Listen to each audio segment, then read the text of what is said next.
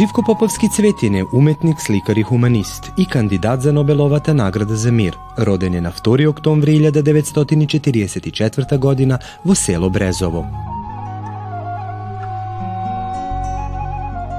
Уметноста ја сакав уште од најраните години, кога учев осмолетка, имав прилика со еден познат познато име во сликарството, Коста Хаджи Антоновски, да ми биде мој учител. И тој мене прв пат ме изведе на сцена да го цртам грбот на Југославија во тие 50-ти години. А, во тоа време јас се плашев како ќе успеам да го нацртам грбот на Југославија, но тој ме охрабри и рече дека ти ќе вежбаш една недела на табла и ќе можеш лесно да го нацрташ грбот. И на вистина јас вежбав, дојде денот, се појавувам прв на сцена за, за празникот 29 ноември во тогашна Југославија и на брзина го цртам грбот на Југославија, а предходно се изгасна струјата и во салата и на бината, за да јас не бидам, да немам трема. И на вистина се чувствував дека сум сам и го нацртав брзо, слегов од едно столче за тоа што бев низок, се приближав кон публиката, се отвори светлото и грмна еден силен аплауз. Тоа ме охрабри и јас веќе од тогаш натамо мислев дека сум за уметноста. Меѓутоа, поради материјални причини не можев да дојдам во Скопје да да го продолжам средното образование во уметничката школа и година дена јако паузирав во знак на протест за уметноста, татко ми рече, синко, не можам јас да те пуштам во Скопје поради материјални причини. И после година дена јас се запишав во земјоделското училиште во Битола, го завршив него, па вишата земјоделска школа и на крајот се запишав на земјоделскиот факултет во Земун, каде што го завршив и станав агроном. По завршување на факултетот веќе ми се појави пак онаа искра на љубовта кон уметноста. Јас доодење војска во Билеќа имав еден период од 9 месеци каде што можев ете да се посветам во тој период на она што најмногу го сакам. Почнав да работам мозаици со хартија и колажи. Така ми се допадна она што го работам и се охрабрив. Отидов во војска во Билеќа и тамо исто бев забележан од, од старешините и направив и за нив една слика за началникот и управата на школата, иако имаше уметници професионалци, да речем. А, после тоа, секако дека сите тие работи малку ме охрабрија, се вратив од војска, дојдов а, во Битола, тамо се запослив и почнав паралелно и по струката и по оваа моја уметност. А, после известно време се дојдов и во мојот роден крај да се одолжам, три години во служба за индивидуално земјоделство Демир Хисар. Тамо имав исто така активности поврзани со уметноста, но од 75-та година навамо јас сум во Скопје, каде што ете прво како одговорен уредник на списание Современо земјоделство, врзано малку и со уметноста, како технички уредник, а исто така и уредник на целото списание – имав можност да ете така овај ја исполнувам таа моја желба.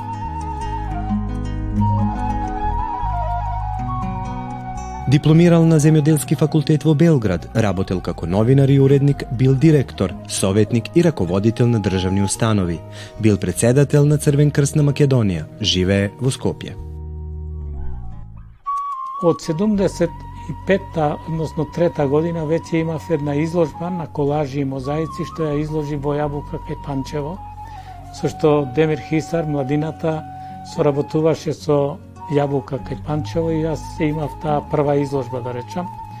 Потоа имав во 1985 година една многу интересна изложба која веќе ми ја заокружи идејата за оваа моја мисија на мирот.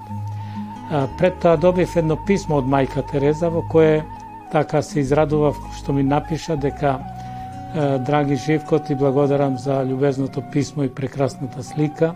Има наши сестри во Скопје и, и ако појдеш кај нив тие ќе ти кажат како да се клучиш во нашата мисија на љубовта.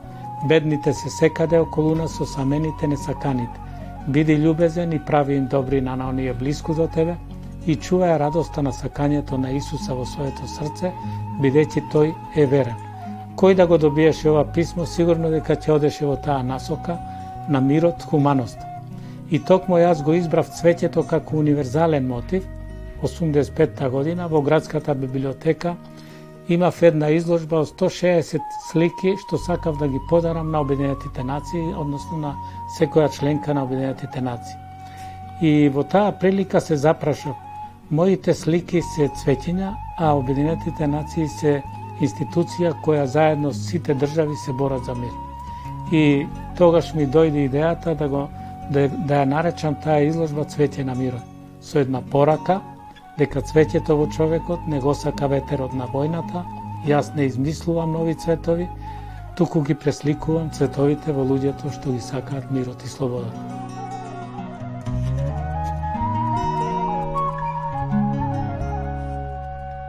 Во 1989 година пак имав една изложба посветена на деветиот самит на неврзаните земји што се одржа во Белград – во Сава центар, каде што имав изложено девет мои цветиња на мирот за деветиот самит на неврзаните, а 101 слика подарив за сите членки на неврзаното движење и за Перес Декуелјар кој беше како представник на Обединетите нации на тој голем самит.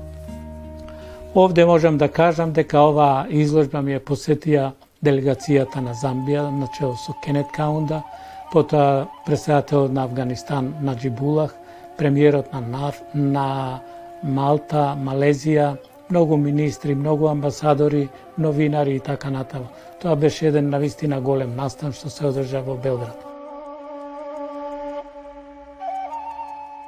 Со сликарството интензивно се занимава од 1970 година. Во македонската и пошироката светска јавност е познат и почитуван по неговата хумана акција, мисија Цвеќето на мирот.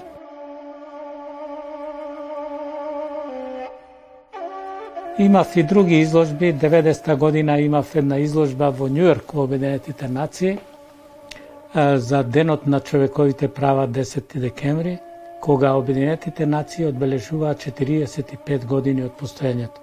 Тогаш јас имав една изложба со 45 цветиња на мирот за 45 години на Обединетите нации, што ја отвори тогашниот амбасадор Тарко Шилович и се прикаже еден еден филм на на таа изложба, да речеме од Велко Булајч.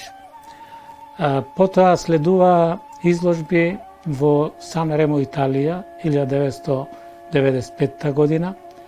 Тогаш бев јас како прв председател на Црвениот крст на Македонија во двојна улога. Прво со една изложба Цвеќе, мир, хуманост, а втората поента беше јас како председател на Црвениот крст на Македонија да имам едно свое излагање на тој конгрес, на таа конференција, каде што беа од цел свет луѓе од националните друштва на Црвени и од Крс и Црвената полумесечина. Тоа беше навистина интересна изложба, а да кажам и тоа дека во почнувајќи од 1986 година имав изложби во Шведска, што ги однесе една студенка. Таа изложба беше во Гетебор, Хелсинбург, Малме, Стокхолм и Скара. Потоа истата година, 86-та, беше преку пионерскиот дом Карпуш од Скопје, една изложба што патуваше во Лубин. А, тука имав 40 слики и тие слики беа посветени за Центарот за здравјето на детето во, во Варшава по повод 40 години на УНИЦЕФ. А, во таа година преку едно културно-уметничко друштво Гоце Делчев кој гостуваше во Канада и Америка, беше испратена една моја колекција од 40 на слики и каде што има концерт, тамо се организираше изложбата.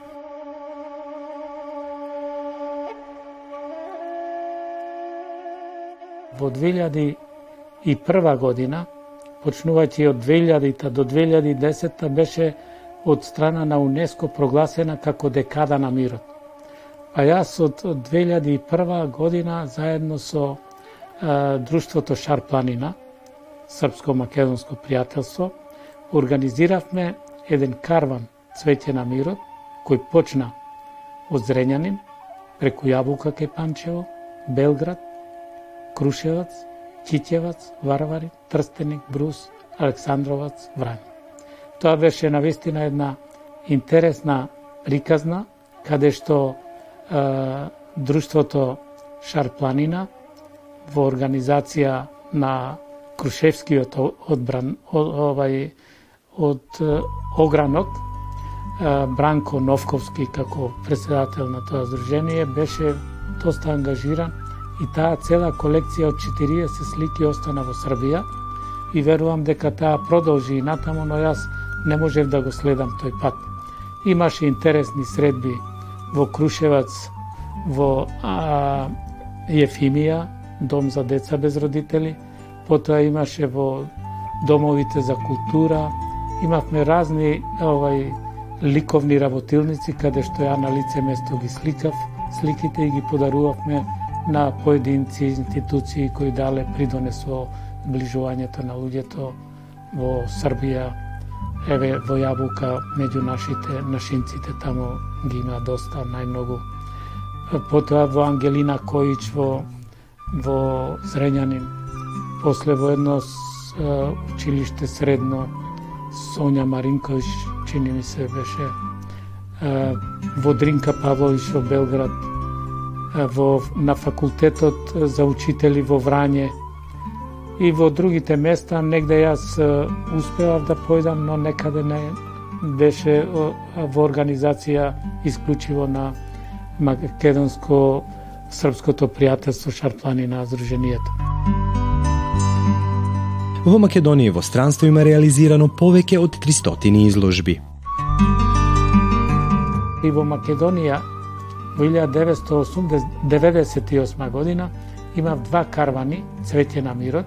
Еден беше а, карван Цвеќе на мирот со унијата на средношколци, кој почна од Охрид на 21 март, денот на пролетта, а беше во Домот на културата Битола, Домот на културата Прилеп, Кавадарци, Велес, Штип, Кратово, Гостивар, Тетово и Скопје заврши на 24 мај, каде што овај таа последна да речам диста, овај истанца ја изложбата ја отвори министерот за култура на Македонија. Тогаш на вистина беше една така интересна изложба која патуваше со пораки со тогаш еден Трајан Мартиновски напиша 15 пеења за карванот на цвеќето на мирот, поет, поетска книга. А во таа година и подоцна уште една-две години се движеше еден карван цвеќе на мирот низ основните училишта во Македонија. Во 130 основни училишта по региони, во Скопскиот, по Вардарскиот, потоа во источниот дел на Македонија, западниот дел на Македонија, централниот дел, каде што 130 основни училишта, тоа беше за нив празник.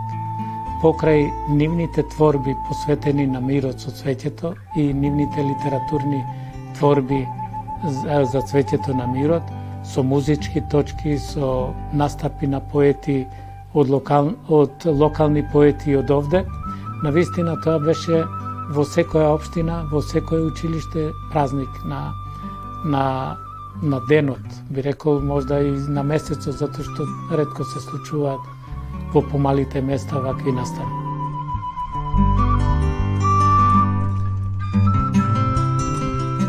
Од 86 година навамо јас сум редовен посетител и човек кој им подарува слики на сите поети и добива дел од нив и песни со посвета. Првата ми од Блаже Конески, која ја добив на 24. мај денот на Свети Кирил и Методи во Скопје.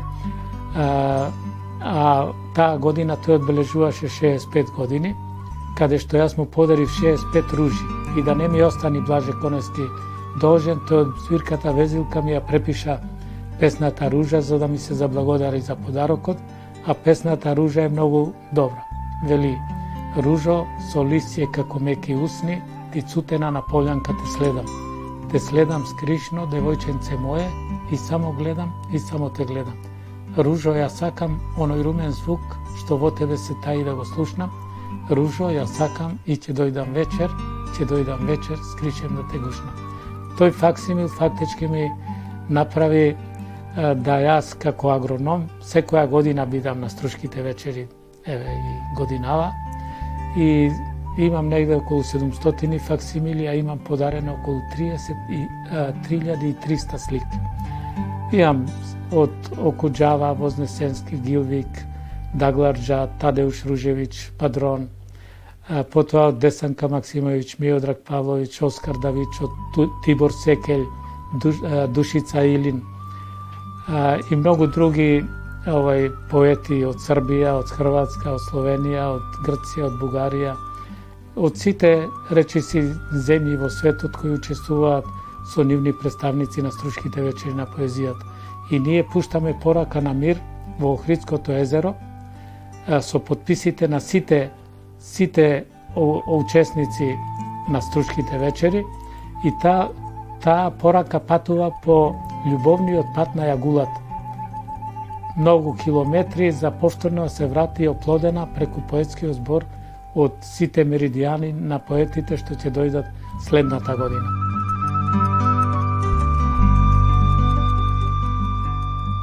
Посебно би сакал да истакнам дека во 2015 година направив една слика долга 1001 метар.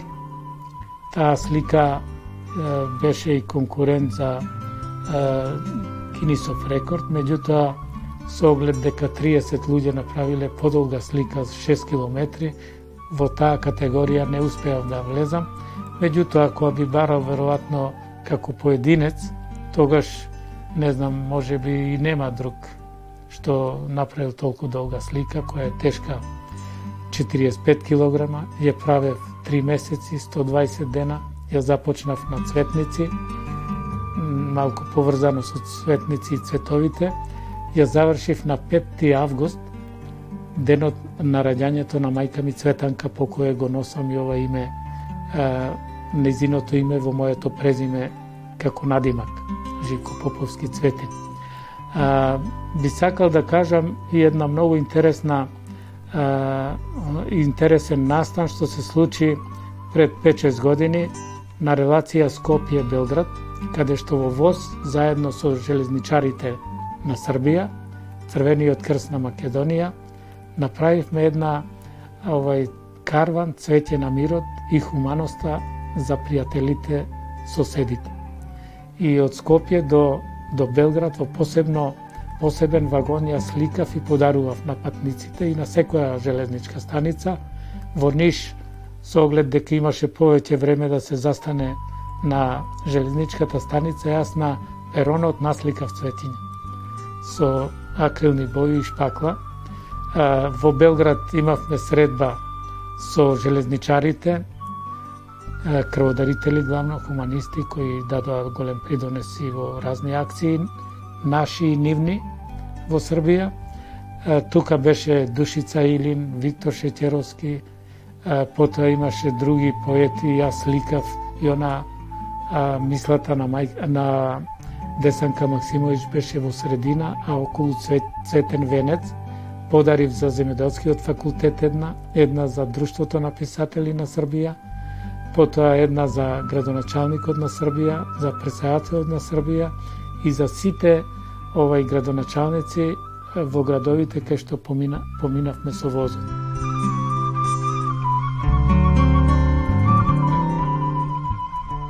Во овие 40 на години творештво, тој подарил повеќе од 40.000 слики, кои се наоѓат во домовите на председатели на држави, парламентарци, уметници, поети, музичари, спортисти и на многу институции и поединци кои зрачат со позитивна енергија.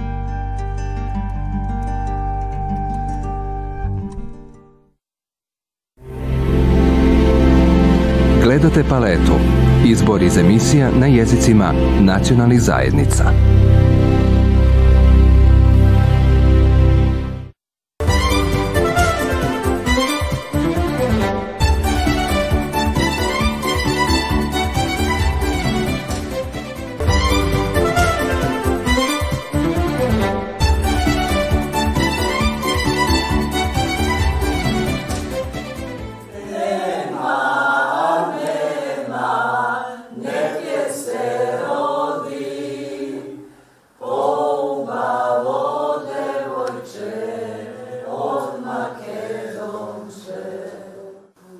Во рамките на 16-та манифестација Денови на македонската култура во Нови Сад, во просториите на Друштво на книжевници на Војводина на 28 мај се одржа литературно-поетската вечер.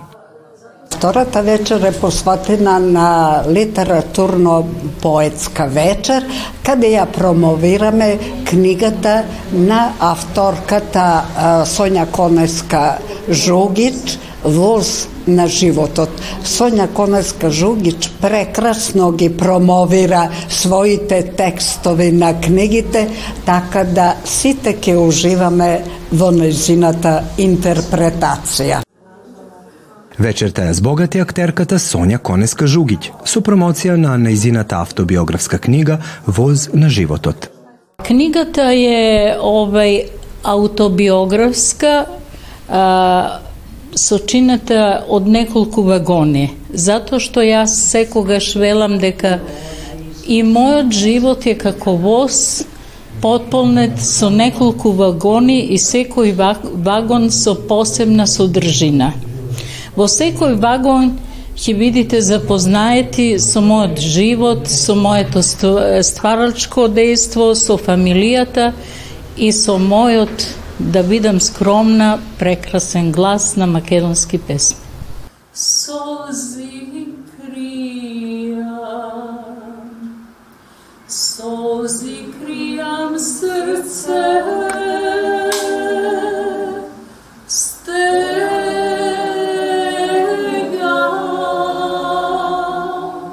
Јас сум многу среќна кога гостувам во Нови Сад во Сдруженијето Кирил и Методи. Скоро секоја година на деновите на македонската култура во Нови Сад сум гост и за тоа сум пресреќна и вечерва се надевам дека мојата книга Возот на, на мојот живот ќе биде интересен и гостите ќе бидат задоволни. Творештвото и културата се во темелите на секоја нација, како гледало на идентитетот, како неизин лик и печат на постоењето.